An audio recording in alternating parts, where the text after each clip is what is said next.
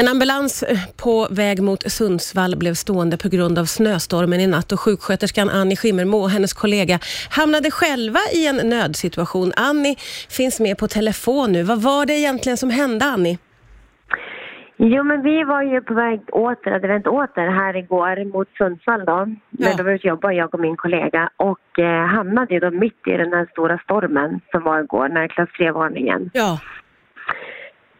så vi hamnade ju mitt i, i där det blåste som värst och det snöade. Det var ju som, det var ju nästan, vi har ju beskrivit det som, det snöade ju jättemycket, så blåste från alla håll och kanter. Så det var ju sånt, det drev ju på vägbanan. Mm. Så det var ju så svårt att se och sedan så var det som, som tornados, ungefär som när man åker igenom, när man möter en lastbil så får ju den ofta snörök. ja. Men den här snöröken kom ju liksom från alla håll och varade olika länge och plötsligt kunde det bara försvinna och sen kom det igen som en jättestor vit vägg där man inte såg någonting. ja.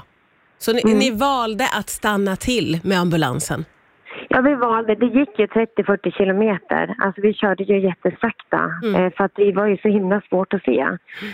Och då kände vi själva att eh, eh, om inte vi, vi ser ju inte framåt, vi ser ju kanske inte vad som kommer komma där framme. Eh, då kan det komma andra bilar bakom som inte ser oss heller på grund av snö, den här snömolnen som blir liksom. Så vi kände att nej, men alltså, vi stannar, vi stannar tillsammans med alla de här äh, långtradarna. Ja. Så får vi helt enkelt se. Men vad tänkte ni då, då när ni fick lov att, att svänga av? Det låter ju ganska otäckt alltihopa.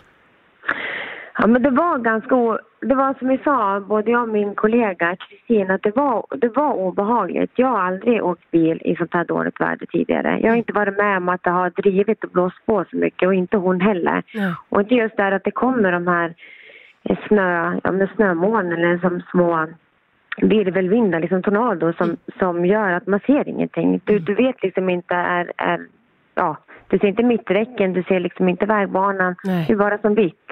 Usch. Men du, hur, hur, hur lyckades ni ta er därifrån? Ja, men det är ju det som är så fantastiskt. Du vet... Eh, eh, så vi, vi ville valde att av och det var ju en, bensin, en bensinmack där och vi kan ju alltså eh, tanka ambulansen och hålla den varm för den måste ju hållas varm med det kalla vätskor Ja, ja, ja. Den måste ju vara igång och hålla varm så inte någonting fryser det så bak i det här skåpet som vi har så. Mm. Så på så vis var det ju som ingen fara. Det som värsta kunde hända kanske det är ju att det, det snöar och driver så mycket så vi tar oss ingenstans Mm. utan måste få hjälp att bli alltså ut, mm, antingen utdragna eller att trakt, någon traktor skottar upp. Ja. Men då fick vi tag på våra ambulanschefer som är verksam då och i samband med SOS i Sundsvall så fick de ju tag på en eh, eh, plogbil Ja. som jobbade då mellan Höga Kustenbron och upp hit mot Docksta. Ja, okej. Eh, så vi fick ju veta att eh, det kommer komma en plogbil som Ja. kommer blinka till er och när han blinkar åt er då ska ni åka upp bakom och så följa honom mot Sundsvall. Men gud, hur var det då att åka bakom plogbilen? Ja men det var ju underbart. Ja. Räddningen! ja precis, och vi sa, ja, vi sa det.